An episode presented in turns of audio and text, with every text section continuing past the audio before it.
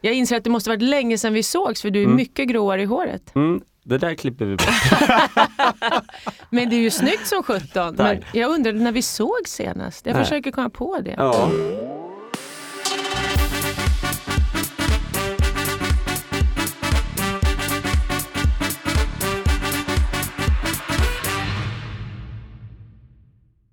Men, men om vi börjar så här. Dagens gäst Agneta Sjödin. Mm. Vad ska man liksom säga? Du är programledare, sångerska. Nej, oj. Oj För, då.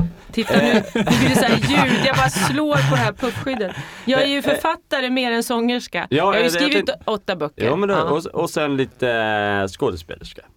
Eller? Ja, In My Dreams. Nej men jag har ju sjungit den men det är ju bara privat och lite kul. Men det jag i huvudsak är, är väl tv och författarskap. Men sen gör jag allt det andra lite vid sidan om för att jag tycker att det är kul. Men du har väl, du får ju mer filmroller än jag så jag är ju ingen skådis.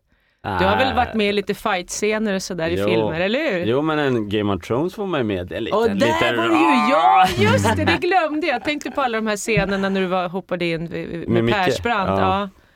Fick Game ta. of Thrones var Ja. ju skithäftigt. Ja det var coolt faktiskt. Jag fattar liksom aldrig hur stort det var när du berättade det. Nej. För jag följ, har ju inte följt den där serien. Nej jag hade inte heller gjort det Men tills jag började se det. Men det var Men har du inte fått åka tillbaka dit? Jo jag fick förfrågan men jag kände att just det här filmandet tog väldigt, väldigt, väldigt mycket tid. Mm. Eh, och jag har inte den ron i mig att sitta och vänta så länge som Nej, det är tar. mycket vänta. Eh, jag vill att saker och ting alltså. ska hända, hända fort, snabbt, tjong. Ja, jag vet. Mm. Så det. Men kul att du kom hit. Ja, det är jätteroligt att vara här. Du vet inte riktigt vad du har gett in på. Nej, jag har ingen aning. Men du vet, när du ringer och frågar om jag kan ställa upp, då ställer jag upp Du gör liksom. det så här faktiskt. blindfolded. Ja. Bästa var att du frågade vem är poddproffset och vi tittar på varandra både jag och Rickard. Vem är poddproffset? Ja, men jag bara undrar vem som var initiativtagare till, till det här. För att jag blev så förvånad när du skulle köra en podd plötsligt. Jo men det här är väl lite så, som vi har sagt, det här är väl ingenting som liksom har legat inom min bekvämhetszon. Nej, så exakt. det, därför jag tänkte att nej, men jag ska utveckla så ska jag göra det här och testa hur det går. Och, Bra, Arje. ja, jag tror det. Mm. Våga prova nya saker. Mm.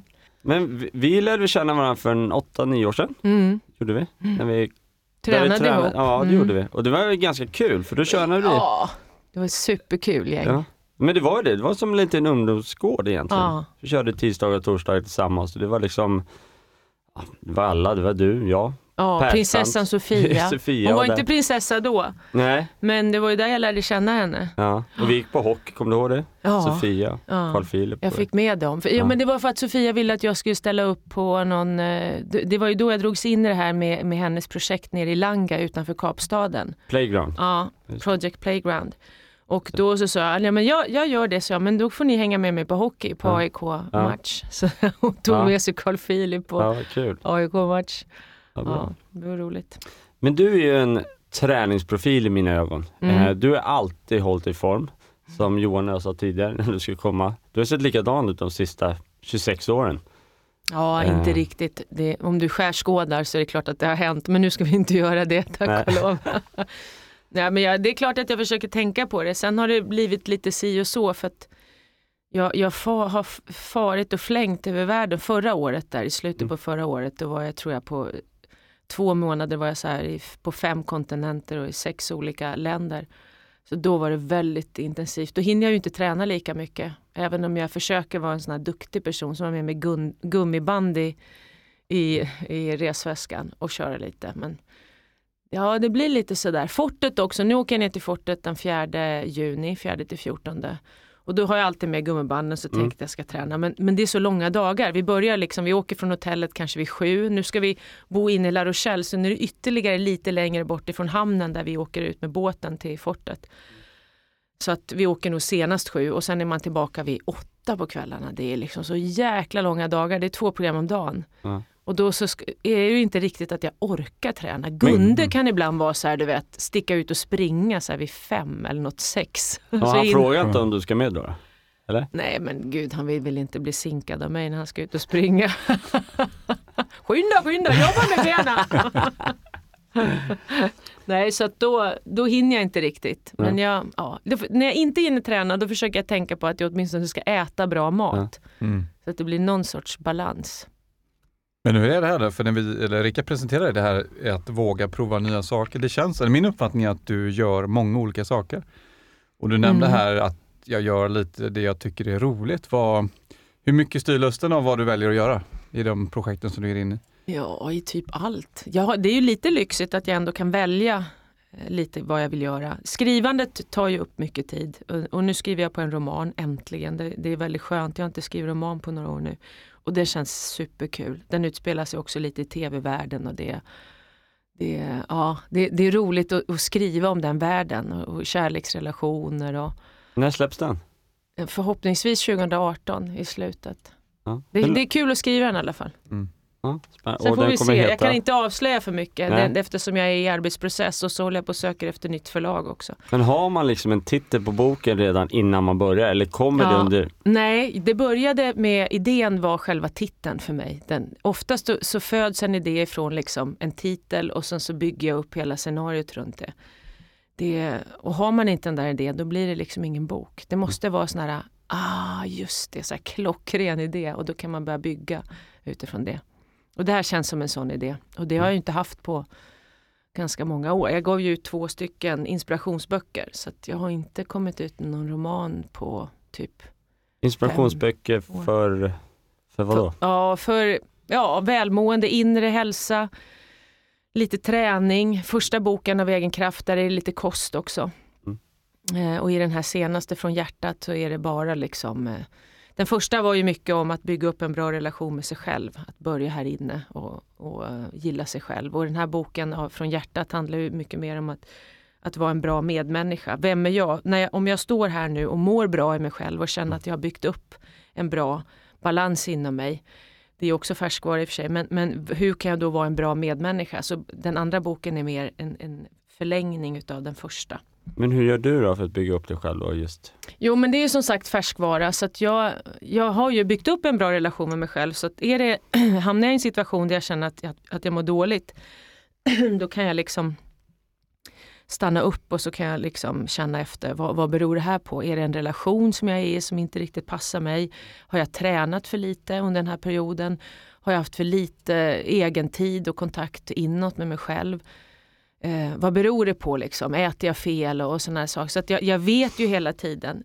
Sen mediterar jag varje morgon och den, det har ju hjälpt mig. För jag måste hela tiden se till att jag har en, en trygghet här inne. För det har ju varit mitt issue, liksom, att jag har känt mig lite otrygg. Så att den meditationen har hjälpt mig jättemycket. Men som sagt, det är färskvara. Så att den inre träningen, alltså den, den inre hälsan måste man ju träna lika mycket som, som sina muskler. För att annars så är det så lätt. Speciellt om man går in i en relation och känner åh jag kommer så långt med mig själv, jag är så färdig. Och så går man in i en relation och så går det någon månad och så plötsligt är man totalt lost och tillbaka i gamla mönster och du vet. Mm. Men ja. när, när bör, hur länge har du varit så här medveten på att säga? För du, du, har du alltid tänkt så här? Att, vara, att ha medvetna tankar, vad jag behöver ha och stanna upp och reflektera. Och, vända tankarna inåt som du säger? Liksom, eller, kommer du ihåg när det här började? Ja, det började, den resan började nog när, när jag, Maja var liten så att den har nog från det att hon föddes typ och var ett år så insåg jag att nu måste jag börja bygga upp den här självkänslan inombords. Mm. För att den var inte så bra. Jag, jag, hade jättebra självförtroende och ett bra driv framåt och tog för mig av livet och, och jobb och sådär. Men sen fanns den här osäkerheten inombords att jag inte att inte folk tyckte om mig, att jag inte var tillräckligt bra, att jag inte räckte till och sådana där saker fanns ju där hela tiden som jag tror att det gör hos ganska många. Vad tror du det beror på? Varför, varför bär vi på sådana tankar och känslor? Om vad andra tycker om oss inte. själva? Jag tror att vi har med oss kanske mycket också från uppväxten. Sådär. Men jag, jag tror också hela samhället på något sätt speglar det där att det ska vara på ett visst sätt. Och att det blir en stress med det här trycket utifrån att man ska vara snabbast, snyggast, bäst, mest populär och bra på matte och annars är man korkad. Eller, ja, du vet, det är massa mm. olika föreställningar om hur saker och ting ska vara. Det är så lätt mm. också när man är barn att man lägger på sig. Det, det, kan räcka med att någon säger något när man är liten och sen kommer man inte ens ihåg vad det var men det sitter kvar någonstans Exakt. i något mm. jäkla cellminne i kroppen. Vi har pratat om det, så här, egen tid och det kan ja. jag tänka mig när du sätter dig och ska liksom skriva, mm. att det är liksom något ställe där du liksom samlar energi och mm. liksom Ja, där är det mycket. Det är nog därför som jag tycker så mycket om att skriva, för där kan jag liksom gå in i, mitt, gå in i mig själv ja. och, och laborera med massa olika vad tror du orsaken är? Varför, Varför skapar vi så lite tid för oss själva för att stanna upp och tänka före eller tänka efter? Ja, vissa inser nog inte ens att det är det som behövs och andra är väl ointresserade kanske och sen finns det säkert de som är alldeles för stressade och, och flyr och, och tar tag i det på andra sätt. Man, man festar med kompisarna liksom, istället mm. för att sätta sig ner och fundera över vem är jag, vad är syftet med mitt liv och vad behöver jag? Liksom? Vad, vad behöver jag? Och varför hamnar jag i det här? Varför, varför, varför hamnar jag i såna här relationer om gång på gång på gång? Varför attraherar jag den här typen av män? Mm. Jag får ju vara väldigt försiktig som offentlig person för jag har ju insett att jag, det är ju en viss typ av män som attraheras av mitt kändisskap.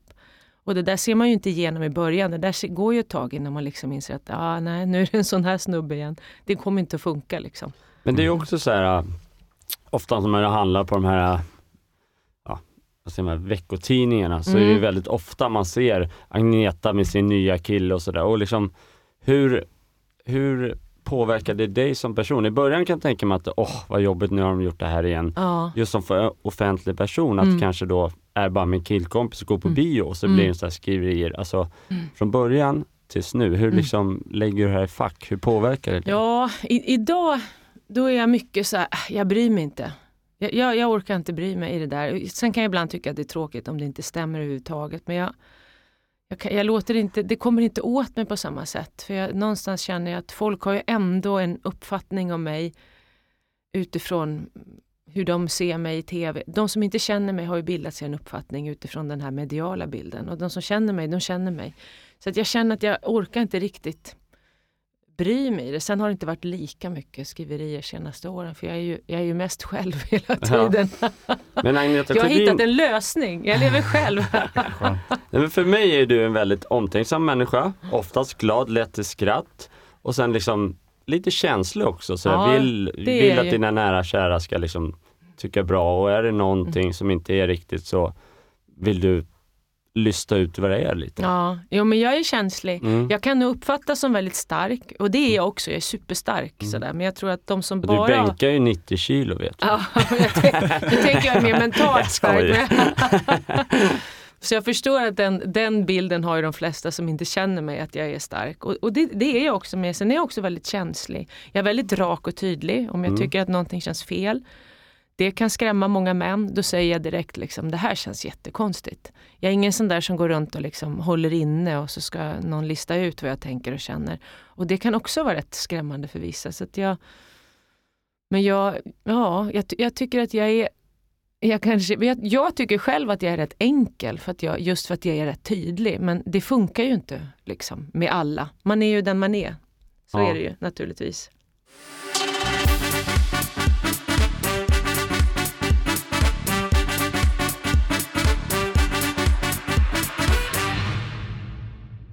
Ja, men hur, hur kan en, liksom, en vecka med träning se ut för dig om, om vi pratar om det?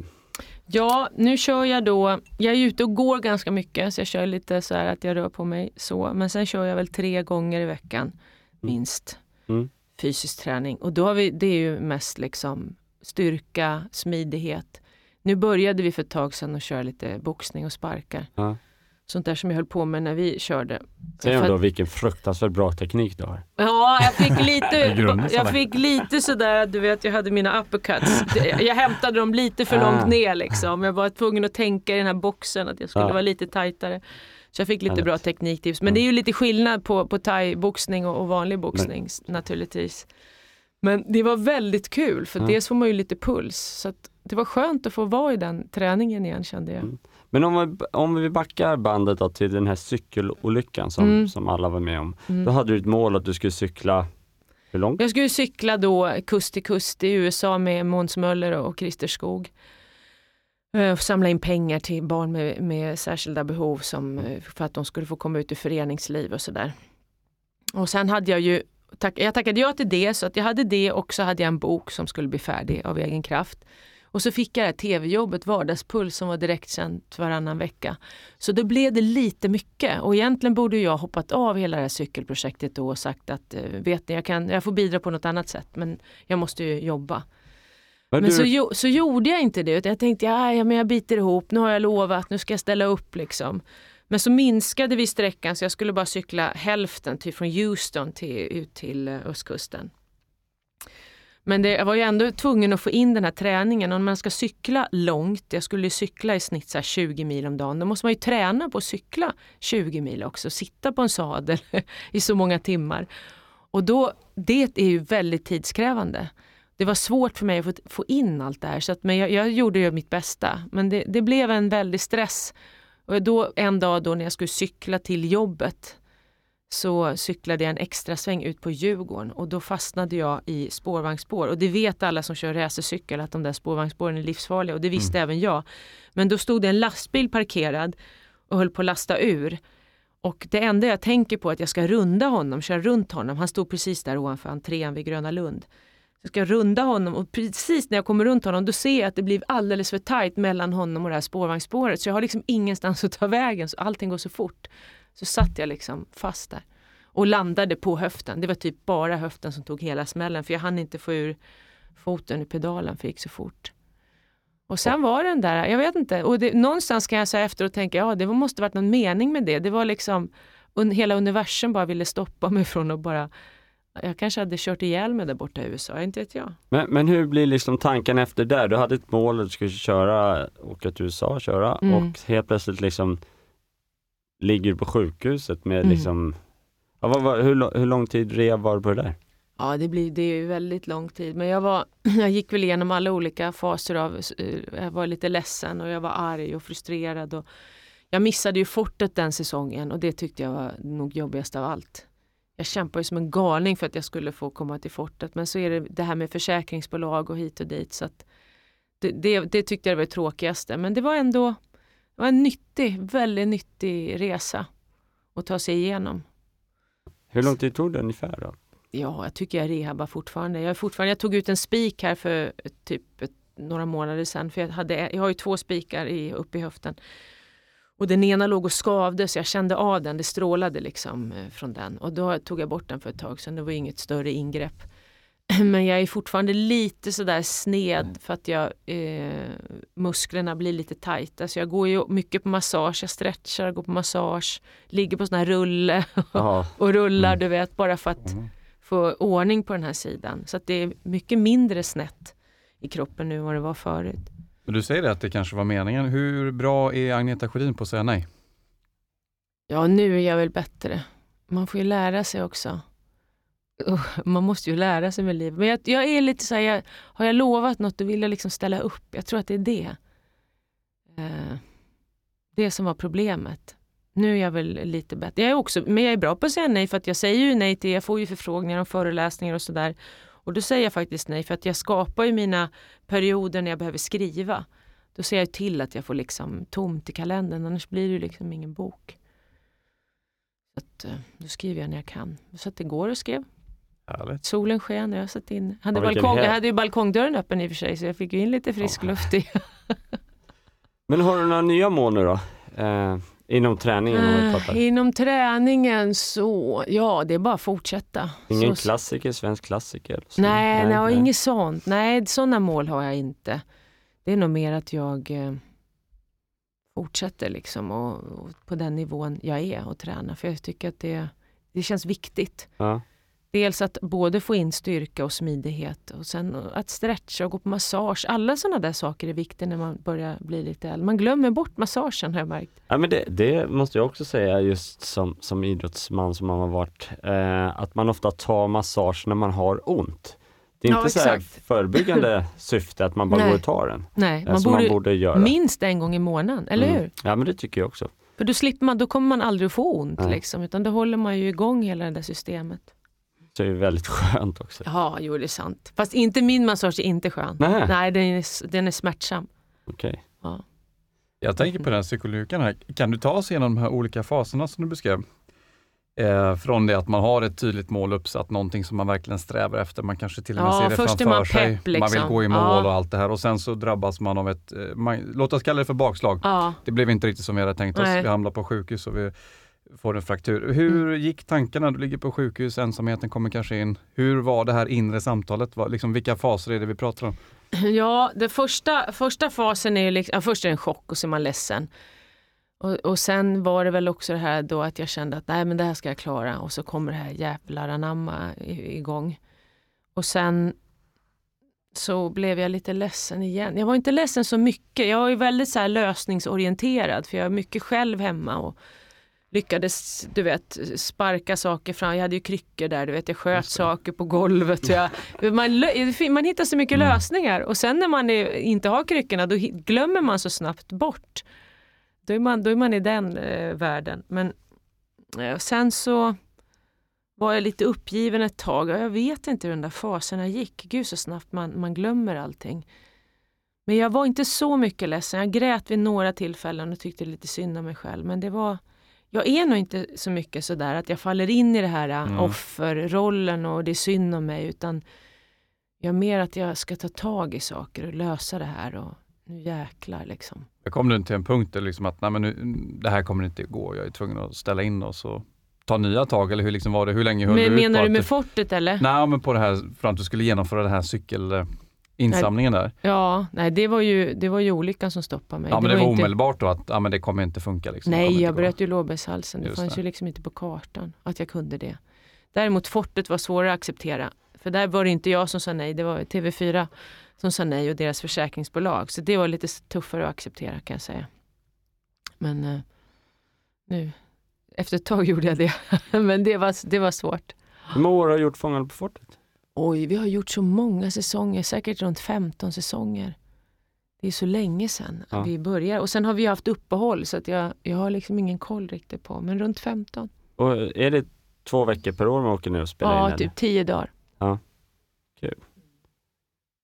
Ja, Och när vi det- pratar här med stress då, hur är din relation till stress? Ja, det, und- det undviker och- jag väldigt mycket för att jag, är, jag eh, försöker alltid välja på ett sätt så att jag inte ska hamna i en stressig situation. Jag tycker jag, har ju, jag är ju så pass privilegierad eh, så att jag kan det. Jag är liksom ingen ensamstående småbarnsmamma som dubbeljobbar utan jag, jag tjänar ju bra pengar på, på fyran och sen sitter jag och skriver och då skapar jag, skapar jag den miljön. Liksom. Så att jag, jag undviker stress. Jag planerar liksom, skriver lister. Så jag bockar av och sådär så att jag hela tiden känner att jag har lite koll. Men det är ju värre, det, är ju, det finns ju de som har det, det är där har vi ju riktiga problem. De här ensamstående kvinnorna som är lågavlönade och har småbarn och ska jobba dubbelt. Och där kan vi börja prata om problem. Liksom. Mm. De ska få in nyttig mat och träning i sina liv. Det, det är en utmaning. Jätteutmaning. Mm. Och vad tror du, hur kan, vi, hur kan vi hjälpa varandra i att minska den här upplevda stressen som många säger att, att man känner generellt sett? Av. Så lite vid det vi var inne från i början, hur Mm. andra tycker om en själv och, och tankar och åsikter om ens personlighet. Och så. Hur, kan man liksom, Ja, hur kan man finna det här inre lugnet i sig själv? det viktiga är ju just den biten, att man jobbar med tankarna eh, i, i den situation man är. För situationen är ju alltid som den är och den kan man kanske inte förändra på sekunder, men man kan ju alltid förändra sin inställning till situationen man är i. Och successivt så kanske situationen också förändras för att man liksom börjar tänka på ett annat sätt om sig själv och, och sin situation. Och det där är ju någonting som idrottsmän jobbar väldigt mycket med, mental träning. Eh, hur de ska klara av en utmaning och jobba sig fram till, till det. Och, och det är också någonting man skulle kunna ha mycket mer i sin vardag. Och jag jobbar mycket med, med just de här tankarna och det, det är ju det jag gör i de här meditationerna jag gör. Det är ju sån här lite guidad meditation där jag går ner i djup avslappning och så får de här orden liksom som jobbar med min självkänsla. självkänsla och sådär. Bygga upp och behålla en god självkänsla. Att, att tycka om sig själv. Och hur ofta Och gör du det? Varje dag. Varje dag? Varje dag. Och ibland kanske inte varje dag, men, men oftast varje dag. För att jag känner att jag mår så bra av det. Att känna att jag, att jag är bra, att jag räcker till som jag är. Och, och det är jätteviktigt. Vad, vad har den här hjärtan för symbol? Du, Eller man- mina hjärtan. Ja, du har ju väldigt mycket hjärtan om man följer dig på Insta och så. Och Ja. sen, som jag ser nu, halsband och Mm. ringar och sånt där. Vad är, Ja, men det, var, det dök upp för några år sedan, så här, f- kan det ha varit sex, sju år sedan. Dök det upp de här hjärtarna och då hade jag också kommit ut med en roman där eh, med eh, en, eh, en kvinnas hjärta. Och så började hjärtan dyka upp överallt och jag är ju lite sån här teckensökare, jag gillar sym, symbolik symbolism och symboler och tecken och sånt där. Då, och då blev det plötsligt och då la jag upp ett hjärta i ett, ett tecken som alla kan greppa. Liksom. Mina andra tecken som bokstaven Y och en åtta och ja, det, det är i och för sig många som kan se det som en evighetssymbol också, men örnen och sådär. Jag har ju lite olika tecken, men hjärtat är så ganska lätt eh, greppbart för, för de allra flesta och det är en positiv symbol, mm. kärleksfull och positiv. Så då började jag lägga upp och det, det fick ju en väldigt fin effekt. Och, och fler eh, lägger upp bild, alltså skickar bilder till mig då på, på Instagram eller Facebook så har de sett ett hjärta och kommit att tänka på mig och så skickar de den där. Så det har ju fått en väldigt positiv och fin effekt. Känns som att det behövs i denna tid. Ja. Kärlek ja, och behöver... mer hjärtan och värme och omtanke framförallt. Ja, men folk orkar inte riktigt känner jag. För att det, det som media matar ut hela tiden det är ju de här äh, hemskheterna liksom, och farligheterna. Och, så det blir ju jag tror att massa, alltså folkmassa i, i, i liksom en större grupp, blir, man blir ju uppskrämd om man bara liksom lyssnar på media och tar in det. Sen händer det ju jättemycket fint i med ideella krafter ute i samhällena också. Men det får vi ju liksom inte läsa så mycket om. Ja, det är faktiskt konstigt att det är så. Jag tycker man skulle kunna ha två kanaler. En med glada nyheter, en mm. med tråkiga. Så får man mm. välja vad man tittar på. Så får man välja. Ja. Men det, det, trå- det är grejen är att det säljer inte det här Nej. glada, positiva. Sen kan man ju titta på sådana här program som Landet runt på SVT. Då är det lite mm. positiva, lite sådana här småputtriga nyheter från utifrån landet. Mm. Och det tycker jag är trevligt. Så de, de håller ju fanan högt för det där. Men jag, jag tror att det är viktigt att vi om man först och främst då börjar med att bygga upp en bra relation till sig själv och se det som ett viktigt mål i sitt liv, att man mentalt mår bra här inne. Och det är så viktigt för det spelar ingen roll om man är med liksom i ett program som Biggest Loser och förlorar en massa kilo om man fortfarande inte har förstått det här inne. För det är ju här man måste må bra också. Det handlar inte bara om det yttre, för det, det börjar, allting börjar ju här inne. Mm. Så där måste alla börja och sen när man har fixat den biten då kan man, kan man också se till att man faktiskt sprider det där bra. Och du menar den biten, då menar du från hjärnan, eller hur? Ja, det som man, alla tankar. Om man går runt och tänker att nej, jag är inget bra, jag räcker inte till och mm. usch vad ful jag är, jag är så tjock och jag lyckas mm. inte med någonting och jag, det finns inga killar där ute mm. för mig. Då, då, är det det man skapar, då blir det här som ett mantra som bara rullar liksom ja. inuti hela tiden. Och det är det där som är så viktigt att bryta. Ja. Vad bra jag är! Att, att börja liksom byta ut de där tankarna till bra tankar och verkligen stoppa sig själv när man märker att man går runt och tänker helt galet. Men du är ofta väldigt glad när man träffar dig, du har lätt till skratt. Eh, och, det är ju när du träffar mig. Liksom. Det är inte så att jag skulle träffa dig. Är det dig. jag som har den påverkan? Ja, men man, all, alla människor är ju så. Alla, nej, men vi är det... ju så, även om man är låg så det är inte kanske man börjar säga liksom att jag är så låg, har du tid en Men det är många som gör det. Jo, kanske lite. Men hur gör du då? Hur, hur... Men det är ju också så när man tar bilder, åh du är så glad på alla bilder, men det är väl ingen som står och ser sur ut på liksom ett Instagram-inlägg. Liksom. Alla, man ler ju ofta. Om man är en glad person. om vi ska prata om det, om man, om man, om man känner igen sig själv då på de här tankarna, tror inte på sig själv och om man nu använder en terminologi som kanske inte är direkt förelagt. Hur kan man, hur kan man som du säger bryta bryttekniken? Hur kan man ja. använda den och sen bygga åt andra hållet? Hur kan man verkligen hur jobba kan med sig själv? Ja, man måste, alltså hur har jag gjort? Jag har läst väldigt mycket böcker, jag har eh, sökt efter sådana här saker, fått tips från vänner och sådär. Den här som jag gör nu som heter eh, RTT, Rapid uh, Tera Tra Transformation Therapy. Det är ju liksom en form utav uh, hyp lätt hypnos man går in i när man ligger och lyssnar på det här. Så att de jobbar ju liksom på, på djupet av ens medvetande. Och det är en kvinna som heter Marissa Peer. Och det var en grej som jag hittade på, på nätet via en kompis på Mind Valley. Det finns ett, ett stort företag, ett engelskt företag som heter Mind Valley. Så där hittade jag sånt där som jobbar mycket med tankar och tankens kraft. Hur funkar det? Är det någon som pratar ja, eller är det, det två stycken? Som, som... Nej, det är en som pratar så lyssnar jag på den här. Okay. Men det finns ju massor med böcker och det är grejer, man måste ju hitta sitt sätt också. Man måste ju hitta det som passar en. Så det som är viktigt är att jobba på den där inre biten. Att jobba med någon form av träning. Sen behöver inte det vara att springa på gymmet, typ. det kan vara raska promenader. Tänka på att man, att man hittar en kost som passar en, att man äter sånt som ändå är bra för kroppen. Att man har någon form av in, egen inre kontakt, någon form av andlighet. Och det behöver inte vara Gud eller någon religion, men någon form av det som liksom ändå omfamnar själen lite grann. Och att man har bra relationer med, med sina vänner också. Kärleksfulla, bra relationer omkring sig. Det är väl några viktiga bitar att försöka tänka på i livet. Och när vi pratar vänner och omtänksamhet, vad, vad, vad, vad är din åsikt? Vad tycker du? Det här med att våga prata om hur man känner till någon annan. Jag Är vi vet duktiga inte. Jag på det, eller kan vi bli bättre tjej, på det? Tjejer känns som de är väldigt bra på det. Tjejer kan ju ibland prata lite för mycket om sina problem kanske. Men jag vet inte hur det är med, med killar. Vissa killar har ju liksom fått, har ju kontakt med sina- känslor och kan få formulera och prata och sådär. Men det är ju in, inte sådär äh, lika vanligt för en känsla av. Vad tycker ni? Du är ju bra att prata känslor, Rille. eller? Ja, du har ju stöttat mig genom Mm. åren tänkte jag säga. Eh, och eh, nej men jag tycker det är viktigt att man någonstans behöver liksom öppna upp sig och berätta för att gå vidare. Mm. Annars ligger det där gror tror jag. Ja, exakt. Eh. Då blir det så här obearbetat.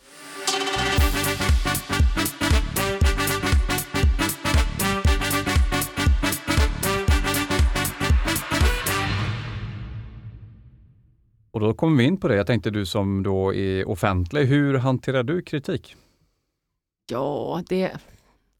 Alltså jag, Det är bara att hålla boxen. ja, nej, jag håller boxen, vet. det kommer en uppercut och en, en krok. så så är de, du är de tysta sen. Har du någon strategi som du använder? Man Liksom, får ju eller täppa till käften på dem, Ja, det är ju så det är. Direkt. va? Nej, alltså grejen är, jag, jag tänker inte så mycket, jag får inte så mycket kritik, men jag, jag kan ibland fråga liksom, är det något jag kan göra bättre och sådär, för jag vill utvecklas som människa. Men jag tänker så här, jag, min inställning är alltid att jag ska göra mitt bästa. Och då vet jag att nu har jag gjort mitt bästa. Och vissa dagar är mitt bästa inte liksom lika bra som andra dagar för att jag kanske inte är på topp själv. Så att, men jag vet att jag alltid gör mitt bästa och då kan jag känna mig nöjd. Då spelar det ingen roll vad någon annan säger utan då, det, det viktiga är att jag känner att jag är nöjd. Så att, det, att leva ärligt och sant och göra sitt bästa, det är också ett annat tips som jag tycker är bra. Om man alltid gör sitt bästa så har man ju liksom, då vet man ju det i alla fall. Men om man tittar på vad du har framför dig här nu, det är Fångarna på fortet Ja, och sen eh, nästa grej, vad är det? Ska jag skriva i sommar? Ja, nästa grej, vi får se om jag reser ut något mer med det här franska. Jag var ju i Indonesien för ett tag sedan och, med ett franskt team som håller på, The Explorers heter de och de håller på med ett internationellt projekt där de filmar djur och natur och naturfolk och de ville ha med mig i det här för att de tyckte, dels så känner jag dem för att, eh, från Jakten på röda rubinen som var också ett franskt program så där vi hade franskt crew eh, blandat med svenskt och sen på fång, från Fångarna på fortet. Så att de kontaktade mig för att eh, just för att de vill vara internationella så tyckte de var kul med, med någon från ett annat land. Och det, var, det har jag gjort ett jobb för dem. Jag vet inte om det blir någon fortsättning. Jag tyckte att det var rätt utmanande. Jag var iväg två veckor med ett stort gäng fransmän som pratar franska hela tiden. Jag tror jag skulle dö emellanåt. Och det är en helt annan kultur. De har liksom så annorlunda hierarki. De jobbar på ett helt annat sätt än svensk tv som jag är van. Mm. Så att, eh, ja, det, var, det var väldigt lärorikt. Men samtidigt kände jag så här, eh, det, det var så utmanande för mig för jag tänkte, nej, jag ska inte jag ska inte reagera, jag ska inte gå igång på de här konstiga sakerna. Jag ska bara liksom vara trevlig, jag ska hjälpa till, jag ska liksom flyta runt här vid sidan av, jag ska göra mitt bästa hela tiden, jag ska göra ett bra jobb, jag ska inte gnälla, jag ska se till att jag får betalt. Det var liksom bara... Och jag lyckades i två veckor, jag var så jäkla stolt över mig själv att jag klarade den utmaningen. Så Är det din styrka som du har, du har, det är att, det är att du kan känna av, som en kameleont, du kan liksom känna av lite i miljöer och liksom ja, jo, jag är lite anpassa. kameleont. Jag Ja. anpassar mig väldigt mycket. Jag tar ingenting personligt. Nej. Det gjorde jag när jag var yngre, när jag hade mycket sämre självkänsla. Då tog jag ju allt personligt. Ja. Men det gör jag inte nu. Är någon grinig så ja, det, då är han det. Eller du vet, jag, Mm. det är ju också jätteviktigt att inte gå runt och ta saker personligt för det blir ju skitjobbigt till slut. Och hur Utan- hamnar man där då? För att inte göra det? Man tränar. Och hur tränar Du man då? vet så mycket böcker jag har läst under de här 18 åren och hur jag har tränat och skrivit. Och det är ju ingenting som händer på en kvart per, att liksom utvecklas som människa. Nej men det är bara att vara medveten om att det inte är personligt. Man får ju liksom, det tar ju tid att utvecklas. Det är inget som går fort som sagt. Men jag får se om jag ska fortsätta jobba med dem. Det, det återstår att se. Nu har jag gjort det här projektet och de håller på och klipper. Jag ska åka ner till eh, Paris efter fortet tror jag i slutet på juni och göra, lägga någon voiceover både på svenska och på engelska för vi ska göra en, en liten dokumentär för, för, och eventuellt kunna sälja i Sverige om det finns intresse och så göra en på engelska. Och, och sen när man, det här Agnetas eh, Ja, nyårskarameller. det, gör, det ska jag ju Eh, göra. det ja. är fortfarande, ja. Mm. Okej. Det är tradition. det, ja, det, Det är sedan gammalt. en gammal tradition. Vilket inslaget ni har. Du har inslaget här heter väl, det är väl bloopers man sänder, eller du visar ja, upp de här precis. bloopers som Roliga, roliga, klipp från som året som gick. Och Mm. då kommer vi in på det här med våga göra bort sig. Även tänker på det här med att prata inför publik och prata Mm. på, när man är på tv och sådär. Hur, Mm. hur går dina tankar det här med att tänk om jag gör bort mig eller tänk om jag säger fel? Hur går din inre dialog? Nej, ingenting sånt. Jag gör ju sällan bort mig. Tycker jag. Jag- Alltså jag kan tycka att det är lite, blir lite levande och, och trevligt om, man, om det liksom blir lite tokigt. Ja, det gör ingenting, känner jag, eh, i direktsändning om det skulle bli så. Jag tycker bara att det, det jag tror publiken uppskattar sånt också. Har, jag det, ju göra inte med, har det att göra med erfarenhet tror du? Eller var det så från början att du kände att "Ah, det spelar Ja, stor roll"? jag känner att eh, jag kan verkligen mitt, eh, mitt jobb, tv-jobb, för det har jag gjort i så många år. Och, och det var ju en period i början av eh, karriären där jag var jättenervös. Jag kommer ihåg när jag skulle köra Hallå, då hade jag gjort Tur i kärlek och så skulle jag vara Hallå, sån här programpresentatör. Och det var live, direkt du vet. Mm. Jag minns, jag minns verkligen, jag tyckte, jag, jag, jag tyckte min puls hördes verkligen. Mina hjärtslag bara, jag tyckte de bara ekade i hela det här båset där jag stod. För jag var så jäkla nervös när den här klockan tickade ner och så plötsligt stod jag där och så skulle jag presentera det här programmet. Du vet. Ah, skitnervös. Så från det till att, till att inte, inte vara så nervös men vara lite nervös över att jag inte var nervös, kommer jag ihåg, hade jag en period. Det, det var nästa steg liksom. Men nu är jag inte nervös för att jag inte är nervös. Nu är jag bara, men jag, tyck, jag tror också att man måste tänka på det där att alltid vara på tå ändå. Även om man blir väldigt avslappnad och man kan sitt jobb och man gör tv och sådär. Så är det otroligt viktigt att man är närvarande i den här intervjun med personen som sitter mot, mitt emot en. Att man lyssnar på allt den här personen säger och inte bara fokuserar på nästa fråga. För det kan ju komma någonting den här personen säger som kan, man kan ha en intressant följdfråga på. Så att vara närvarande och, och lite på tå liksom. Då behöver man inte vara så nervös för att vi är ju bara människor. Blir det fel så blir det fel. Hur kan man våga säga ja till fler saker? Hur kan vi träna upp oss själva där? Ja, träna upp. Man får väl börja då. Ja, det är ju det man får göra. Man får plötsligt säga ja till något som man tänkt säga nej till. Men ibland är det ju också viktigt, om man känner nej väldigt starkt, då kan det också vara att man ska lita på det. Man får ju känna in om det är liksom att man känner en varning inom sig eller om det bara är att man är lite nervös för att stå på en scen eller sådana där saker. Eh, Eh, Jag försökte lära min dotter det här tidigt i livet med, med att lyssna på sin inre röst. För det är viktigt. Mm. Vi åkte skidor i Järvsö kommer jag ihåg, hon var fem år. Hon tyckte om, hon ville bara stå på rakt ner för backen. Och det gick fort. Jag tyckte det var lite läskigt så i liften eh, upp eh, så sa jag till henne att om du, om du känner inom dig en, en röst som säger nej, då vill jag att du stannar eller att du bara lägger dig ner i backen. Ja, sa hon, okej. Och så åker vi ner för backen och jag är en bit bakom för att kolla uppsikt över henne. Och så plötsligt stannar hon och så vänder hon sig och så ropar hon till mig. Mamma, nu är det en röst som säger nej, så nu stannar jag. Åh, vad gulligt. Och, och det där är, jag hoppas hon har med sig det för att det är så viktigt att, att lyssna på sin inre röst för att ibland blir vi varnade. Jag som när jag stack ut och cyklade den där morgonen så kände jag ett sånt motstånd. Jag kände liksom att vad fasiken, nej ska jag cykla? Eller, det fanns ett motstånd så hade jag struntat i det då hade jag aldrig brutit lårbenshalsen.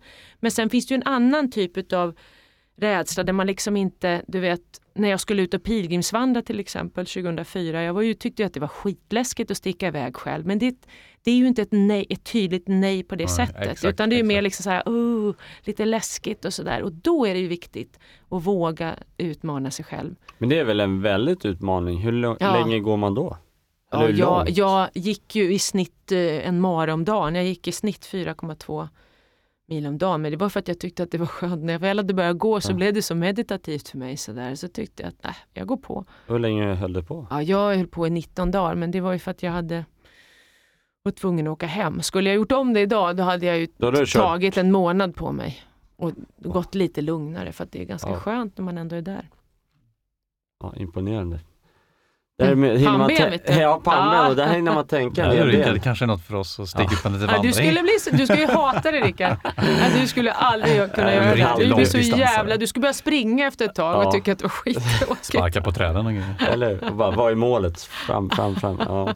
Men det är väl skönt. Men man, alla ska hitta sin grej. Det är väl det som är viktigt. Ja, ja, ja visst. Ehm, och då om det är yoga eller gå eller cykla eller boxa så är det väl det viktiga är att man aktiveras på något sätt. Ja, Verkligen. verkligen. Ja. Drömmar då? Hur ser det ut med drömmar? Jag är ju väldigt nyfiken och dr- eh, ehm, i energirika dröm, eh, vad ska man säga, drömmande tillstånd där vi drömmer mycket. Där finns det oftast mycket kraft att hämta. Hur ser det ut för Mm. dig i framtiden förutom de projekten som du har nämnt?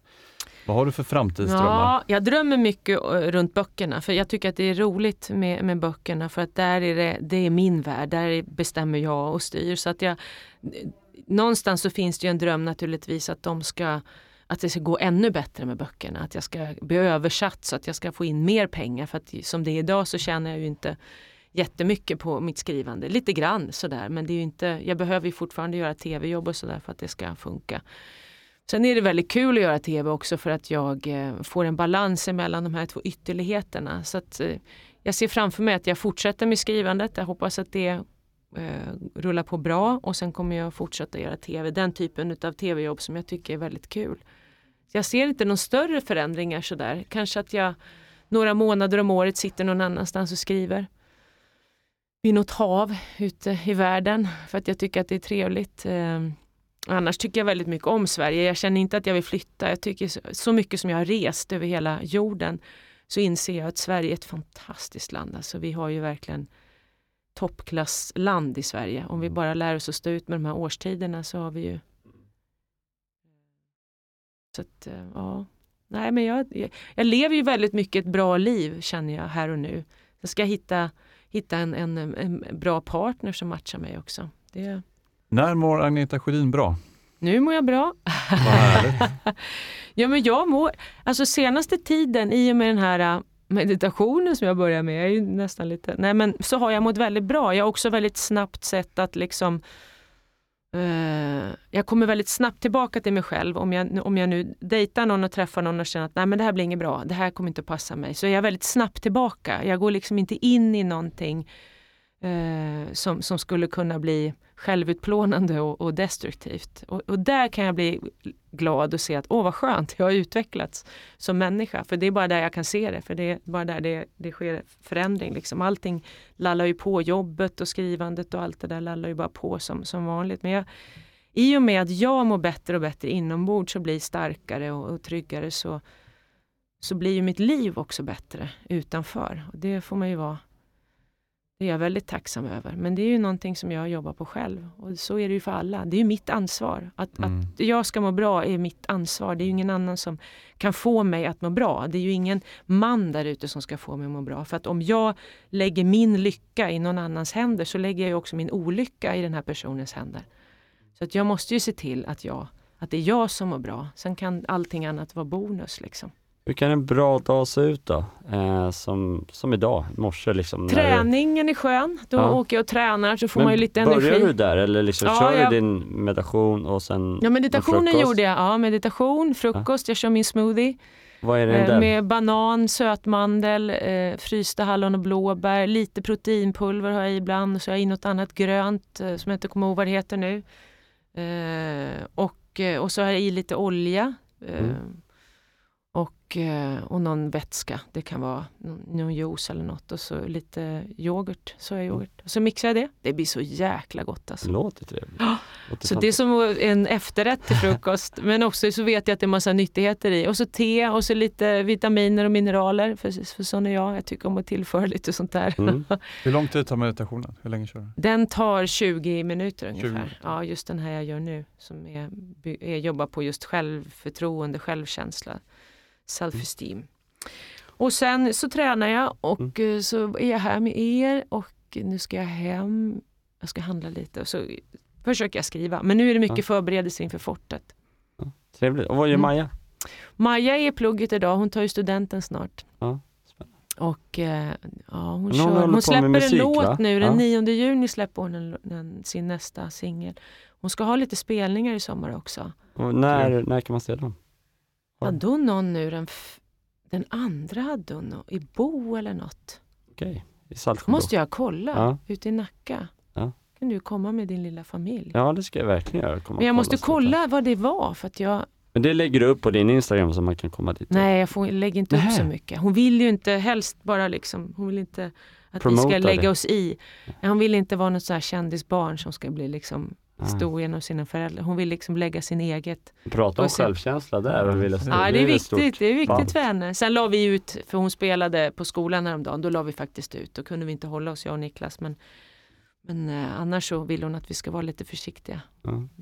Ja, Agneta, vi får Mm. väl tacka för oss. Ja. Jag är väldigt tacksam att du tog dig Det var ju tid och kom hit. supertrevligt. Verkligen. Mm, bra jobbat killar. Ja, tack du själv. Kram på dig. kram kram, hej.